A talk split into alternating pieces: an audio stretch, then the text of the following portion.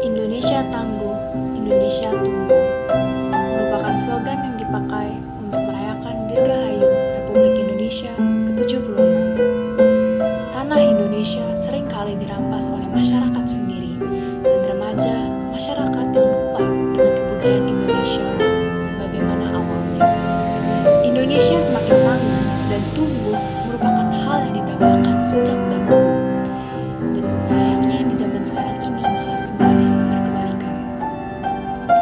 kita pun masih memiliki berbagai kekurangan yang nyata terjadi di lapangan.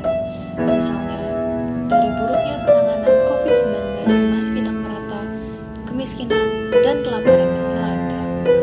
Selama ini, hanya kata-katalah saja yang baru keluar, bukan aksi dari diri sendiri.